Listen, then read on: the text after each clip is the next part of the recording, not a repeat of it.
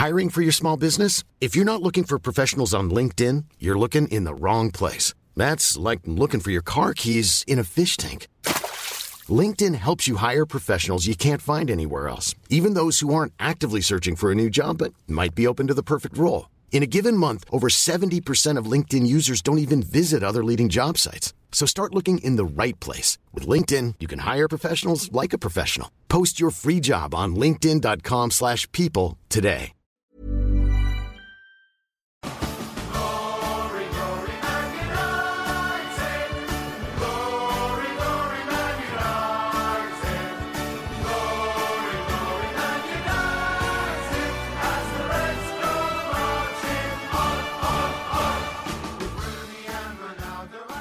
Halo pendengar ganteng-ganteng Manchester United Podcast, balik lagi bersama kita bertiga di podcast GMU. Pada kesempatan kali ini, uh, gue yakin semua udah baca Twitter. Uh, ternyata uh, CR7 kembali mengenakan jersey kebesarannya gitu kan. Setelah ada polemik apakah dia akan mendapatkan jersey karena masalah regulasi ataukah masalah ego dari Cavani dan ternyata hmm. sudah solve MU akan memberikan jersey nomor 7 legendaris kepada empunya gitu kan. Ya, nah, ya. bicara masalah jersey, masalah nomor punggung, pasti nggak akan afdol kalau kalau kita nggak ngomongin tentang formasi yang akan kemudian dipakai dan itu berkaitan dengan siapa sih yang akan mengenakan nomor punggung di starting eleven gitu kan. Nah karena mumpung juga bursa transfer ditutup dan semua tim sudah steady dengan apa yang dia punya termasuk MU, kita pengen bahas terkait dengan gimana kita bertiga punya pandangan perihal starting eleven yang akan dipakai oleh MU dalam mengarungi musim panjang 2021-2022. Yeah. Gue mau ke Sawang dulu. Dengan starting eleven yang kita punya, how much your confidence Ung untuk kemudian mengarungi rentang ke depan Ung? Sekarang tuh kita punya uh, dua pemain yang inevitable kan, yaitu okay. di Bruno Fernandes dan juga Cristiano Ronaldo gitu. Kayak kalau confidence level sih kayaknya kita nggak akan kalah ya. Ini uh, Gak usah kita lihatlah kemarin aja Ronaldo tuh ngegolin dua loh kan, di lima menit terakhir. Hmm. Ya kan ini memang emang se sekocak itu gitu loh Ronaldo gitu. Apa yang kocak? Ya se se secara skill individu pun di usia 36 tahun ya masih masih sejago itu gitu. Hmm, si iya. Cristiano iya. gitu kan. Jadi uh, secara uh, komposisi pemain sih, gue sudah sangat-sangat lebih pede ya dibandingkan dengan awal uh, bursa transfer musim gitu. Memang betul kita saat ini miss di uh, defensive midfield gitu kan, di Fred dan juga McTominay gitu. Cuman kalau misalkan untuk menghadapi tim-tim Liga Inggris nantinya dalam jangka panjang, gue sih pede-pede aja. Hopefully at least minimal 80 poin pasti dapat lah. memang, sudah lusi memang. Oke oke oke. Ini menarik ya. Udah udah ngapain mencapai poin kan yang itu kan output dari apa yang kita ingin harapkan gitu. Nah gue mau geser dulu nih ke Alvin nih. Kita paham uh, squad depth kita jauh lebih dalam, jauh lebih komplit, jauh lebih berkualitas compare to last season ya gitu. Bahkan di compare ke lima season sebelumnya, semua fans MU yakin inilah one of the best season yang akan kita punya gitu. Dan akan sayang kalau kita tidak bisa mengakhiri musim dengan satu atau minimal satu lah uh, gelar trofi gitu kan. Mau ngomongin masalah starting eleven, Vin. Apa yang kemudian akan lihat dari starting eleven yang akan oleh terapin apakah ada perubahan signifikan dengan adanya Ronaldo, Cavani dan mungkin Mason Greenwood yang sekarang jadi jadi on fire sekarang Vin di sisi depan Vin? Hmm, kalau misal pertanyaan lo di sisi depan ya, ini memang agak membingungkan ya karena emang kita kan pakai 4-2-3-1 yang mana trio depan itu biasanya ada Rashford di kiri, di kanan Greenwood dan di tengah depan itu adalah Cavani atau Martial kan gitu kan. Cuma dengan adanya Ronaldo sekarang itu kan apa ya somehow tuh membuat pilihan-pilihan ini makin banyak kayak gitu. Dan juga perkara Paul Pogba ini main di mana dan ternyata turns out dia lebih bagus bermain di sayap kiri daripada di double pivot. Itu kan sebenarnya makin pusing lagi. Kayak misalnya, kalau misalnya kita mainin Pogba di kiri, berarti kan untuk attacker depan kita cuma sisa dua nih. Sedangkan kita kedatangan Cristiano Ronaldo. Dina James mungkin bisa kita singkirkan dulu ya di opsi-opsi kemarin. Karena memang tanpa ada Ronaldo pun, James pun udah jarang main kayak gitu. Nah, sekarang menurut gua yang paling penting adalah sebelum kita ngomongin depan, bagaimana caranya bola ini dari belakang bisa nyampe ke depan. Kan kayak gitu. Dan menurut gua yang paling bagus adalah dengan memberikan kebebasan kepada Pogba untuk bermain. Yang mana dia berarti berarti bukan di double pivot tapi di sayap kiri yang mana dia bakal masuk ke tengah dan duet sama Bruno Fernandes kayak gitu. Dan pada akhirnya yang dah yang harus dikorbankan adalah pemain depan yang mana slotnya tinggal dua nih. Nah slot dua ini direbutin sama enam orang. Ada Ronaldo, Cavani, Rashford, Martial, Greenwood dan juga Sancho. Ada enam kayak gitu. Kayak apa ya? Menurut gue ini adalah udah formasi paling balance yang bisa MU lakukan karena untuk membiarkan Pogba berkreasi di depan, lu harus punya pelindung yang bagus di DM-nya. Dan itu nggak bisa satu orang, harus dua orang, yaitu Fred sama McTominay, kayak gitu. Jadi nantinya menurut gue ya, formasi paling bagus adalah secara balance kita bermain 4-2-2-2 ketika nyerang. 4 back seperti biasa, kemudian dua tengahnya ini seperti yang udah di-mention sama Saung juga ya dari uh, podcast episode-episode lalu, bahwa McTominay dan Fred ini adalah satu kesatuan yang nggak bisa dipisahkan. Kalau satunya dipisahin, itu hancur aja gitu. Nah, dengan adanya McTominay dan Fred yang bisa menjaga balancing di tengah, nah depannya lagi Pogba dan Bruno ini udah berkreasi kayak iya porno lah kalau dibilang katanya Bang Tio ya. Pogba dan Bruno itu udah mereka berkreasi aja seperti biasa. Dan dua depannya itu harus ada satu striker yang uh, jadi target man, entah itu Ronaldo atau Cavani dan satunya lagi striker yang bisa roaming kayak Greenwood, Sancho, Rashford atau Martial. Kayak gitu sih menurut gue. Itu itu menurut gue udah skema paling bagus yang bisa digunakan secara reguler untuk MU. Iya. Kalau mau kalau boleh nambahin uh, musim ini kan panjang ya. Maksudnya musim musim lalu pun kita main match tuh hampir 50 game lebih gitu kan. Sementara di midfield kita tidak punya kedalaman squad yang cukup bagus gitu kan dibandingkan dengan posisi-posisi yang lain. Jadi kayaknya kita harus expect uh, di mungkin paruh musim kita akan melihat formasi baru dari Ole gitu ya, yaitu 406. Jadi no midfield dan no midfield player just all out attack sih menurut gue. And just ini, fight, ya. Iya, ini karena kan lo, lo tadi bilang kan kita ada enam, enam pemain gitu di depan dan itu yeah. kan harus memperebutkan tiga posisi hmm. gitu. Hmm. Tapi Fred ini kan tidak mungkin main terus gitu. dan Do, Doni ini juga kita nggak tahu nasibnya oh, kan seperti juga. apa kan. Iya. Jadi ya kita siap-siap lah kalau melihat formasi 406 melawan Brentford atau lawan Norwich, gue sih sangat-sangat mendukung ya. ya, ini menarik ya ngomongin formasi. Ada yang sifatnya mungkin tadi Alvin bilang 4-2-2-2 gitu kan yang mana uh, mungkin kalau di, di, dilihat ke di formasi mungkin agak lucu juga ya 4-2-2-2 gitu kan. Apalagi 4-0-6 gitu kan. itu pasti akan menimbulkan banyak pro kontra gitu kan. Gua pribadi pengen lihat 4-0-6 seperti apa hasilnya gitu kan. Minimal 5 gol itu harus tercipta dari masing-masing gitu kan. Dan ya. itu sebagai sebuah hal 5 gol dan 5 harusnya bisa juga ya. gitu kan. nah, nah ini ini kan tapi kita ber, kita ngomongin secara realistis lah gitu kan. Oleh tetap akan menggunakan 4-2-3-1 bener kata Alvin. Meskipun nanti implementasinya bisa sangat-sangat beragam, tapi akan tetap menggunakan Paul Pogba di sisi kiri gitu kan dengan dua midfield, McFred dan eh, Scott dan juga uh, Fred yang akhirnya gue ngerasa mereka adalah kaki kiri kaki kanan, Vin. Jadi kalau yang satu keluar udah pincang aja gitu kan, Fred hmm. kaki kiri, tapi di kaki kanan gitu kan. Iya, iya, iya. Bener kata Alvin. Dua-duanya adalah sebuah hal yang akhirnya jadi yin dan yang gitu kan. Satu keluar, kita lihat bagaimana kemudian pertandingan lawan Soton kemarin uh, ketika Fred ditinggal sendiri udah kayak ayam mencari kepala gitu kan ya akhirnya headless chicken dan gue nggak mau lihat Fred seperti ini lagi gitu kan ya. padahal dia menurut gue punya potensi gitu kan dan dia akan jadi tulang punggung ya. Gue nggak ngomongnya ketika orang lihat Ronaldo Cavani segala macam Fred adalah musim pertaruhan dia. Kalau dia berhasil membuktikan gue ada kemungkinan dia akan tetap dijadikan starter week in week out ya dan will sih gitu kan. Hmm. gue mau ke Saung um, perihal kita ngomong lini belakang lah. Karena lini belakang yang mungkin uh, bisa dibilang cukup underrated ya. Apalagi kita tahu kita punya dua du, apa duo pairbacks yang kemudian uh, one of the best gue bisa bilang di di di Eropa gitu kan bahkan di dunia gitu kan. Dan juga wingback yang kemudian ada peningkatan secara signifikan gitu. Nah, apa yang kemudian lu bisa baca dari formasi 4 4 di belakang itu yang akan kemudian mengarungi musim ini, Ung? Ya, gue harap sih peningkatan dalam sisi offensive fullback sih. Dalam artian kita bisa melihat bagaimana uh, sisi kiri United di Maguire dan juga Luke Shaw kan sangat-sangat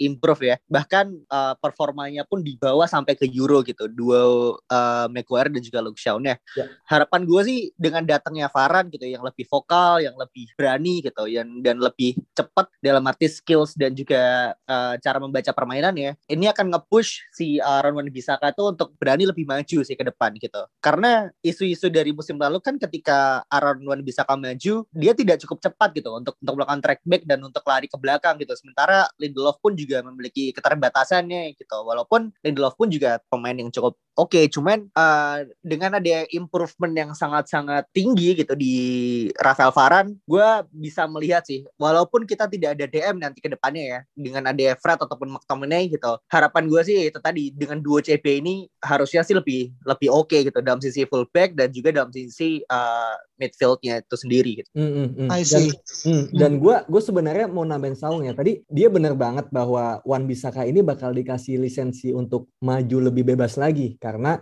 keberadaan Varan dan juga mungkin ya tadi ya Fred dan McTominay yang bisa menjaga gitu kan membantu menjaga gitu. Nah cuma balik lagi dengan formasi 4-2-3-1 dan Pogba di kiri yang mana dalam implementasinya bisa jadi 4-2-2-2 ini kan kita jadi nggak punya seorang apa ya wing ya kan kita nggak punya seorang winger winger karena fokusnya di tengah. Dan winger ini kan nanti bakal diokupansi sama back sayap yang mana Shaw dan Wan Bisaka. Nah, ide tersebut gue malah mikir kenapa nggak Dalot aja yang dimainin kayak gitu. Karena lu udah punya empat yang jaga di belakang nih. Ada Maguire, ada Varane, ada Fred, ada McTominay. Kenapa Dalot nggak lu suruh maju aja gitu? Maksudnya gini, kenapa nggak Dalot aja lu mainin? Yang mana jelas dia punya output uh, crossing dan juga dribble lebih bagus. Yang mana kalau bicara masalah crossing, ada Ronaldo kayak gitu. Jadi kiri show umpannya bagus, bagus, kanan Dalot juga bagus gitu. Masalah bertahan oke okay lah. Gue somehow masih percaya McTominay, Fred, dan Maguire apalagi ada Varane ya itu bisa menjaga gitu. Mungkin dalam beberapa pertandingan yang dirasa eh, nggak uh, terlalu beresiko ya. Gue rasa Dalot bisa dicoba ya untuk untuk uh, situasi kayak gitu ya. Karena kita jarang banget yang ngeliat Dalot dimainin di pertandingan uh, eh, IPL dan pada akhirnya kita menggunakan Wan Bisaka yang secara apa ya uh, menyerang memang mungkin terkadang udah dikasih ya kebebasan untuk menyerang cuma memang memang intelijensi dia untuk mencari posisi passing itu emang masih segitu-gitu aja sih. Itu menurut gue ide yang sebenarnya sangat bagus sih. Betul, betul. Dan Dalot sendiri pun di awal-awal musim pertamanya di zaman Mourinho kan sempat main di sayap juga kan kalau nggak salah kan, yeah, di sayap yeah. kanan gitu.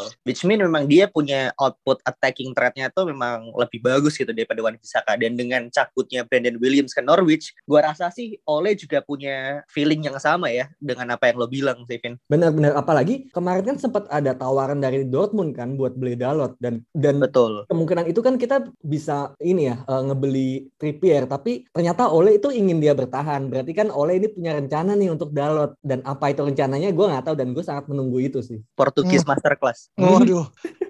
Oh itu nggak was 2.0 ya?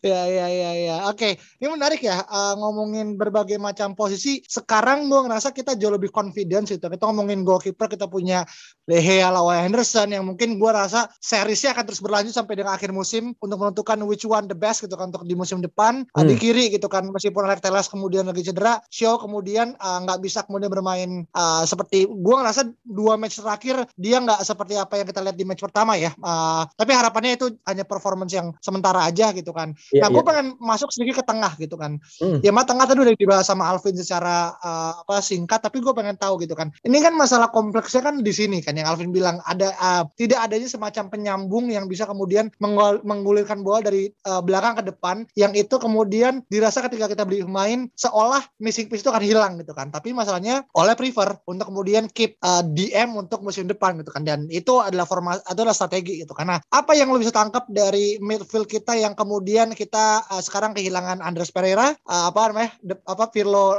Pirlo pramusim kan dan kemudian Van de Beek yang kemudian belum dapat kepercayaan sebagaimana semestinya gitu. Nah, apa yang lo bisa lihat dari dari dari percampuran uh, let's say 4 sampai 6 midfield tengah ini Vin? Iya ini sulit sih. Karena sepanjang gue mengikuti Manchester United gitu ya di masa-masa kejayaannya tuh gue selalu melihat Michael Carrick di situ gitu di mana dia bisa kontrol tempo, dia bisa ngeluarin passing-passing yang ajaib gitu. Dan sebenarnya potensi ini tuh dimiliki oleh seorang Paul Pogba sebenarnya. Dia tuh punya kemampuan untuk ngeluarin passing-passing ajaib gitu kan. Cuman uh, eh, gue nggak tahu ya kenapa dia ketika di apa di drop di posisi yang lebih dalam gitu. Dia tidak bisa mengeluarkan kemampuan itu gitu. Mungkin emang ada tendensi dia yang suka triple dan bawa bola keluar dari situasi yang sulit gitu. Dan ini sangat berbeda dengan seorang tipikal Michael Carrick gitu kan. Dan di midfield MU sendiri gitu di Fred atau di uh, Donny van de Beek gitu. Hmm. ini masih masih belum ada yang seperti itu gitu. Masih belum ada yang bisa ngeluarin passing panjang atau passing apa Hollywood pass atau diagonal pass gitu. Seperti yeah. itu sih. Jadi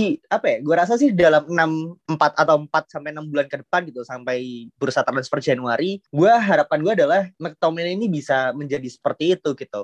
Kenapa? Karena dia tuh uh, seorang box to box midfielder gitu. Dalam artian dia punya kemampuan di, untuk membawa bola dari backline ke depan. Iya, yeah, yeah. gitu. Cuman memang dia tidak punya uh, bukan tidak bisa, dia belum punya kemampuan passing yang cukup bagus untuk yeah. menjadi seorang lone DM sih menurut gue gitu. Hmm. Itu sih.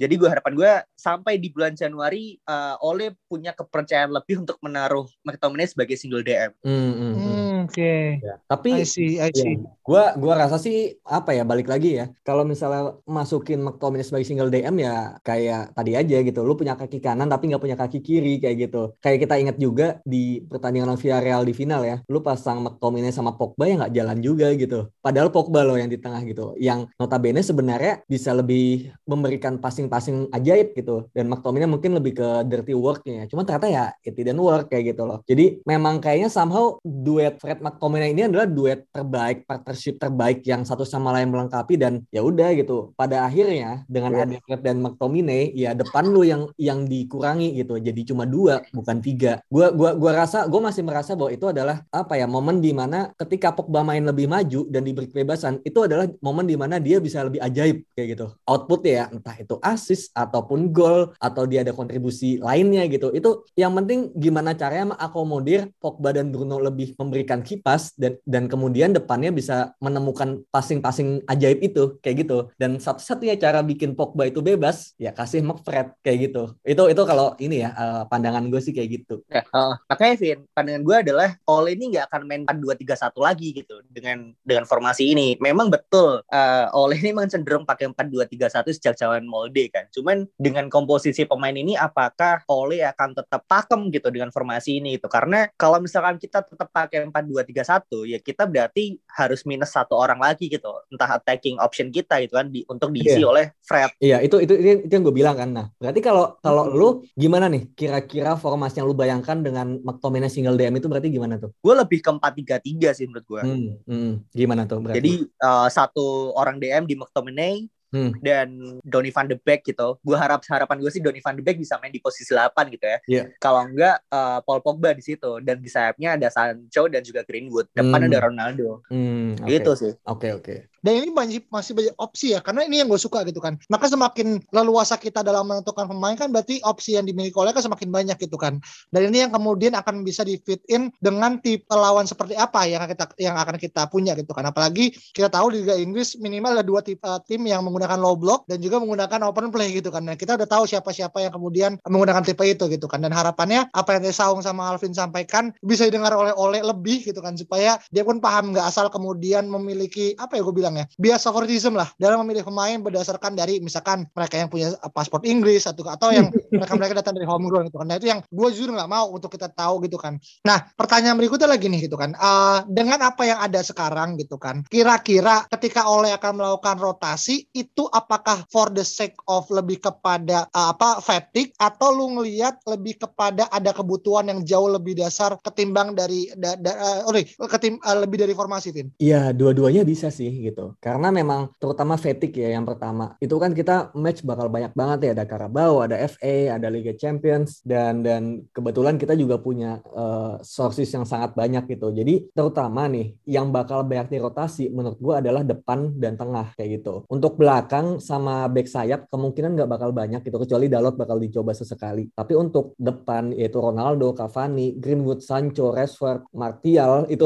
banyak banget kan ada enam kan. Itu menurut gue bakal bongkar pasang terutama Ronaldo dan Cavani sih gitu. Karena menurut gue uh, kalau ngomongin depan ya Ronaldo dan Cavani ini adalah dua tipe yang berbeda ketika bertahan gitu. Bertahan dalam arti ketika pressing ya. Jadi gue sempat baca di di Atletik bahwa Ronaldo ini adalah pemain yang sangat jarang untuk pressing. Dan itu berbeda sekali dengan Cavani yang kalau kita lihat musim lalu itu rajin banget buat pressing dan ngejar-ngejar orang ya kan? Dan itu uh, ada angkanya tuh Ronaldo dan Messi adalah kayak orang yang paling rendah dalam melakukan pressing. Dan yang salah satu yang tertinggi adalah Firmino kayak gitu. Jadi mungkin ada ada beberapa hal taktikal yang kalau kita mainin Ronaldo dan kita ingin pressing, itu secara tim itu nggak bekerja kayak gitu. Karena Ronaldo ini nggak akan pressing atau jarang banget lah untuk pressing. Sedangkan Cavani ini pressingnya bagus banget kayak gitu. Jadi itu mungkin hal yang bisa dikonsider juga untuk Ole ya dalam menentukan hmm. uh, pemain ya mau main kayak gimana gitu. Hmm. Dan satu lagi ya itu gelandang. Pogba ini kan mungkin musim lalu juga sering kali diganti ya di babak kedua dan beberapa kali nggak dimainin mungkin terkait dengan ini juga uh, fitnessnya juga. Jadi mungkin bakal hmm. gua gua rasa Van de Beek patut diberikan kesempatan juga ya apalagi kalau misalnya nanti bakal bermain dengan Sancho. Menurut gua harus dicoba kemungkinan tanpa Pogba dan ada Van de Beek karena kita masih nggak tahu nih Pogba ini kontraknya bakal gimana, apakah dia lanjut atau enggak. Dan kalau kita nggak membiasakan diri tanpa Pogba, gua khawatir musim depan tuh kita kaget nggak ada Pogba. Oke, okay, oke. Okay. Dan ini suatu hal yang akhirnya ber, berkesinambungan dengan dengan berbagai macam faktor ya kayak apa kontrak pemain yeah. dan juga terkait dengan hal-hal yang kemudian akhirnya jauh lebih kompleks itu. Nah, gue mau naik ke Saung ini. Uh, kira-kira kalau boleh berandai-andai, apa sih uh, miracle atau apa yang lo inginkan bisa terjadi di formasi MU yang lo ngerasa it's too good to be true untuk terjadi di musim depan? Selain 406 ya. sebenarnya sebenarnya kedatangan Ronaldo sendiri udah to be true ya.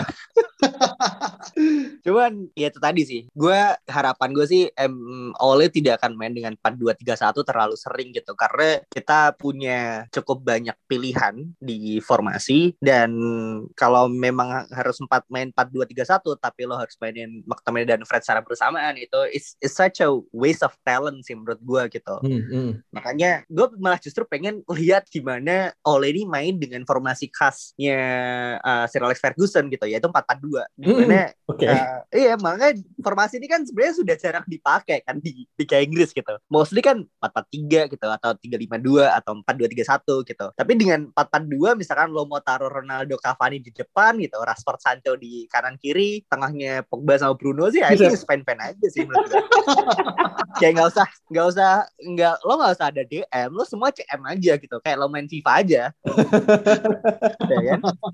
Back four-nya udah back four udah kenceng nih kan? Hmm. udah dia kayak kayak lo ngapain lo takut itu kebobolan cuy gitu loh. Lo bisa bikin gol oke okay. menurut lo uh, melawan tim apa kita bisa menggunakan formasi kayak tadi? City lah gampang banget City tuh gak City tuh City tuh nggak mungkin dia bertahan gitu loh. Hmm. Dia nggak mungkin main bertahan. Liverpool pun nggak nggak mungkin main bertahan. Leeds itu nggak mungkin main bertahan gitu. Loh. Jadi kayak kayak lo lo have fun aja gitu. Kayak play just enjoy your time gitu. Lo yeah. do your best gitu aja sih. And gitu. feel Tapi kalau misalkan lo yeah. iya kalau misalkan lo boosting main kayak tim-tim let's say kayak apa ya Burnley gitu hmm. atau West Ham atau Wolves gitu yang yang di mana uh, lo nggak akan expect tim-tim ini bisa nyakitin lo gitu. Nah itu mungkin lo baru punya formasi yang bener-bener lo pikirin banget nih gitu. Atau Chelsea yang mungkin sekarang beneran kuat gitu ya di sisi midfield attacking ataupun back four-nya gitu. Gitu sih menurut gue. Hmm, hmm. what a point of view ya. Yoi.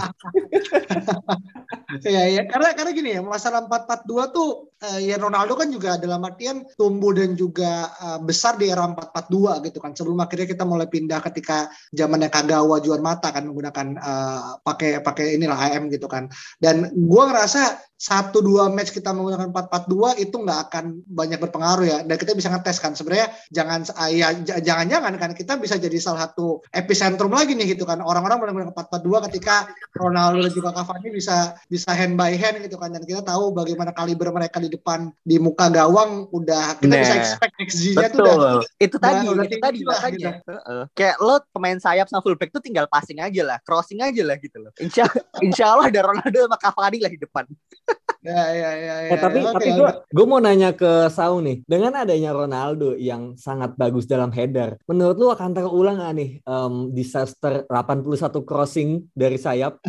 Anjir, zaman Moyes tuh. Iya. zaman zaman jahiliyah itu kan. itu gue rasa sih nggak akan 81 ya. Kalau ada 81 crossing sih kayaknya kita akan memecahkan rekor 81 gol juga sih. Jadi jadi kayaknya kayaknya 10 crossing cukup lah untuk memecahkan rekor Southampton musim lalu yang 9-0 deh. Iya iya iya oke oke oke. Ini menarik nih, gue kayak mungkin Calvin satu pertanyaan terakhir gitu kan. Apa yang apa kira-kira starting eleven yang menurut lu bisa jadi salah satu default uh, yang oleh akan terapin singkat aja dari mulai kiper sampai dengan uh, atasan Vin. Atasan. Oh. Maksudnya maksudnya. Oh iya iya iya. Uh, itu sebenarnya udah gua jelasin tadi sih ya di tengah-tengah cuma oke okay lah hmm. gua gua mention mention aja kali ya. Kipernya hmm. gua rasa ini sih uh, David De Gea, Varane dan Maguire sebagai backline di belakang pairing. Terus tetap menurut gua Wan Bisaka dan Shaw yang mana Wan Bisaka menurut gua harus di rotate juga sama Dalot. Kemudian dua tengahnya ini adalah Fred dan McTominay. Gue tetap stick sama itu karena gue realistis. Kemudian tiga depannya Bruno, Pogba dan juga Mason Greenwood. Yang mana Pogba jadi sayap kiri yang bisa ke tengah. Depannya Cristiano Ronaldo. Jadi formasi 4-2-3-1 ini implementasi kita ketika menyerang itu bakal jadi 4-2-2-2 gitu. Nantinya Greenwood ini bakal roaming di depan bareng Ronaldo yang dari kanan bisa ke tengah. Dua tengah Bruno nanti bakal combine sama Pogba yang dari kiri masuk ke tengah dan juga dua tengahnya bakal dijaga sama Fred McTominay. Udah dia fokus bertahan aja. Kemudian dua back sayapnya bakal nyerang full membantu Bruno Pogba dan juga Ronaldo sama Greenwood kayak gitu. Hmm, hmm. I see, I see. Nah, untuk Saung, boleh nggak Um lo ngasih counter apa ya? Counter formation yang mana mungkin pemainnya bisa berbeda tapi ininya bisa menimbulkan sebuah dinamika selain dari 4-2-3-1 yang kemungkinan ada sekarang Um. Iya, gue seperti yang gue bilang tadi, 4-4-2 tuh pilihan yang sangat menarik sih. ya kan? Maguire, Varane, Luke Shaw dan juga Wan Bisaka ini menurut gue sudah cukup paten kita di belakang. Lalu di tengah, gue harap sih gue tidak akan melihat Fred lagi, ya kan? Uh, McTominay mungkin masih jadi pilihan cuman tidak wajib ya tidak fardu ain gitu jadi Pogba Bruno gue harap main pasti gitu hmm. kan Sancho dan juga Greenwood itu pasti main karena Greenwood dengan performanya bulan ini pun dia sangat tidak layak untuk di drop dan juga depannya harapan gue adalah Ronaldo dan Cavani bisa main bareng sih hmm. Hmm. Martial gitu. gimana Martial uh, Martial mungkin nemenin Rashford aja ya kayak lagi bosan main PS gitu aja lah nemenin ini dan ya ini menarik sih maksud gue nah, dengan hmm. dengan dengan formasi seperti ini pun Ras, Rashford juga belum tentu bisa masuk gitu loh hmm, hmm, hmm. hmm. hmm. ke starting ini gitu gue kan kita sering ya emosi dengan Rashford gitu walaupun uh, dengan pencapaian golnya sudah cukup oke okay, gitu cuman kan dengan dribblingnya yang kadang kelamaan gitu dan dengan decision makingnya yang kadang masih cukup lucu gitu kayak kadang gue nggak tega sih akan diomelin seperti apa sama Ronaldo gitu loh ketika Ronaldo udah siap untuk terima umpan tapi dia masih kiring-kiring nggak jelas gitu sih jadi ini juga juga cukup cukup apa ya menjadi hal-hal yang menarik gitu karena Sancho dan juga Greenwood ini menurut gue sih dia tidak akan tidak akan jadi bangku cadangan lagi hmm. gitu sih. Ya, ya, ya, ya, ya. Dia dong. Oh kalau gue sebenarnya gue sama kayak Alvin sih uh, gak ada yang beda. Gue uh, gue gue suka dengan apa yang Saung sampaikan tapi gue lebih lebih realistis ya kali ini ya. Yeah, it's, uh, it's good on paper. ya? Iya iya benar benar it's good on paper gitu kan. It's good on And FIFA on juga ya. Good on PlayStation. Iya iya iya gitu kan. Tapi untuk di dunia nyata Fred sama McTong uh, selama kita belum punya DM yang murni, gue ngerasa kita terlalu wasting time menggunakan dua pemain yang akhirnya bisa kita gunakan untuk satu lagi. Tapi gak masalah gitu kan. Kita berharap tahun depan udah ada yang baru. Itu sih paling kalau dari gue dan nanggapi Saung sebagai terakhir juga, gue berharap Ronaldo bisa menggantikan perannya Sir Alex dalam dalam melakukan hair dryer treatment gitu kan. Yang harapan pemain-pemain kayak macam-macam Rashford itu bisa di hair dryer ketika di apa namanya di half time supaya kemudian jauh lebih bisa decisive ya dalam sebuah uh, apa keputusan. Dan karena gue juga nggak mau ngeliat dia dribbling dribbling yang akhirnya jatuhnya lebih kepada dribbling ke kerumunan kan yang kata kata Alvin. Itu yang gue nggak pengen gitu. Ketika kita punya Sancho yang udah lihai dengan iya. dengan memegang bola malah Rashford akhirnya adalah akhirnya jadi orang yang kemudian menggiring orang lain untuk menuju ke dia kan dan gue nggak mau tuh lihat terjadi di, di, di, di yang hmm. sekarang gitu sih benar benar iya lo lo ingat ini gak sih video Ronaldo yang dia dada dada ke penonton terus habis itu ngelempar ban kapten itu yang dia malas main itu Iya, iya. Iya. Harapan gue itu tidak terjadi ya gitu di United musim ini gitu. Entah entah karena BT sama Fred atau BT sama Rashford gue gak ngerti sih. Atau atau abis dia ngelihat crossingnya Wan Bisaka tuh dia langsung walk out. Iya, iya. untung ya untung untung Daniel James sudah dijual kan. Iya iya iya. iya. Kalau lihat finishingnya nangis banget tuh pasti. Aduh, aduh, aduh. Ya, aduh. Tapi ngomong-ngomong soal hair dryer treatment, ada fakta menarik sih. Si Ronaldo ini katanya ini, bro, save dari hair dryer treatment Sir Alex gitu waktu dia di United ya. Hmm. hmm. Jadi uh, untuk untuk menjadi pengganti Sir Alex sih, gue rasa kayaknya belum gitu. Cuman untuk BT dan ngomel-ngomel sendiri kayak pasti sih Ronaldo. Hmm, hmm, hmm. Dan gue harap memang pemain-pemain yang kena itu adalah ya seperti Wan Bisaka, Fred dan juga Martial sih. Itu menurut gue adalah tiga bantal empuk itu buat Ronaldo kasih harder treatment sih. betul, betul. Iya, iya, iya. Oke, oke, oke. Menarik ya bahasan tentang formasi dan kita juga pengen denger nih teman-teman punya ide lain mungkin atau punya formasi yang jauh lebih eh, gila lagi dari apa yang saya sampaikan 406 gitu kan. Kita tunggu di Twitter kita at TGMI Podcast dan sampai segini aja teman-teman. Thank you so much for listening dan sampai jumpa pada pertemuan berikutnya. Dadah.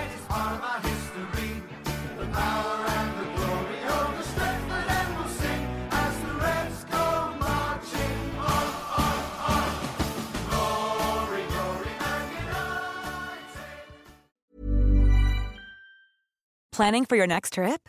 Elevate your travel style with Quince. Quince has all the jet setting essentials you'll want for your next getaway, like European linen, premium luggage options, buttery soft Italian leather bags, and so much more. And is all priced at 50 to 80% less than similar brands. Plus, Quince only works with factories that use safe and ethical manufacturing practices. Pack your bags with high-quality essentials you'll be wearing for vacations to come with Quince. Go to quince.com slash pack for free shipping and 365-day returns.